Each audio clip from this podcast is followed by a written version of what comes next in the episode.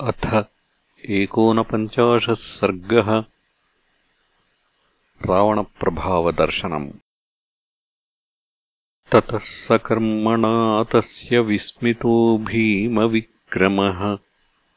हनुमान् रोषताम् राक्षो रक्षोऽधिपमवैक्षत भ्राजमानम् महार्हेण काञ्चनेन विराजता मुक्ताजालावृतेनाथ मकुटेन महाद्युतिम्।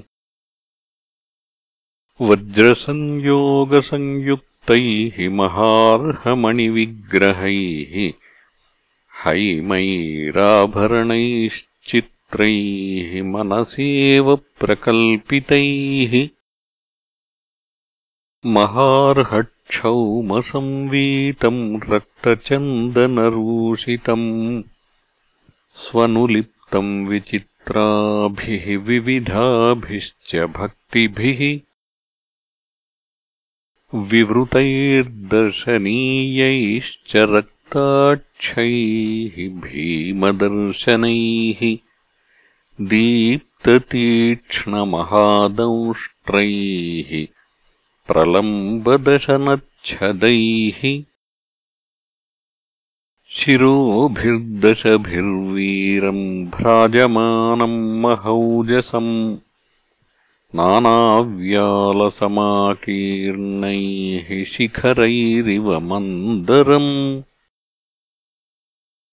नीलाञ्जनचयप्रख्यम् हारेणोरसिराजता पूर्णचन्द्राभवक्त्रेण सबलाकमिवाम्बुदम् बाहुभिर्बद्धकेयूरैः चन्दनोत्तमभूषितैः भ्राजमानाङ्गदैः पीनैः पञ्चशीर्षैरिवोरगैः महति स्फाटिके चित् रत्नसंयोगसंस्कृते उत्तमास्तरणास्तीर्णे सूपविष्टम् वरासने। अलङ्कृताभिरत्यर्थम् प्रमदाभिः समन्ततः वालव्यजनहस्ताभिः आरात्समुपसेवितम् दुर्धरेण प्रहस्तेन महापार्श्वेन रक्षसा। मन्त्रिभिर्मन्त्रतत्त्वज्ञैः निकुम्भेन च मन्त्रिणा। सुखोपविष्टम् रक्षोभिः चतुर्भिर्बलदर्पितैः। कृत्स्नम् परिवृतम् लोकम् चतुर्भिरिव सागरैः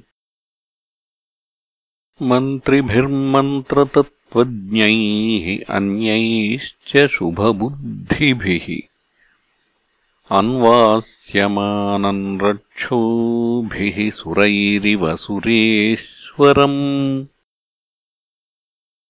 अपश्यद्राक्षसपतिम् हनुमानतितेजसम् विष्ठितम् मेरुशिखरे सतोऽयमिव तोयदम् स तैः सम्पीड्यमानोऽपि रक्षोभिर्भीमविक्रमैः विस्मयम् परमम् गत्वा रक्षोऽधिपमवैक्षत भ्राजमानम् ततो दृष्ट्वा हनुमान् राक्षसेश्वरम्। मनसा चिन्तयामास तेजसा तस्य मोहितः अहो रूपमहो धैर्यम् अहो सत्त्वमहोद्युतिः अहो राक्षसराजस्य सर्वलक्षणयुक्तता।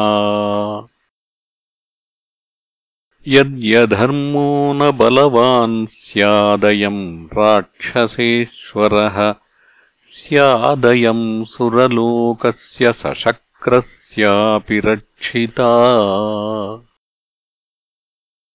अस्य क्रूरैः नृशंसैश्च कर्मभिर्लोककुत्सितैः तेन बिभ्यति खल्वस्मात् लोकाः सामरदानवाः। अयम् ह्युत्सहते क्रुद्धः कर्तुमेकार्णवम् जगत् इति चिन्ताम् बहुविधाम् अकरोन्मतिमान् हरिः। दृष्ट्वा राक्षसराजस्य प्रभावममितौजसः इत्यार्षे श्रीमद् रामायणे वाल्मीकीये आदिकाव्ये सुन्दरकाण्डे एकोनपञ्चाशः सर्गः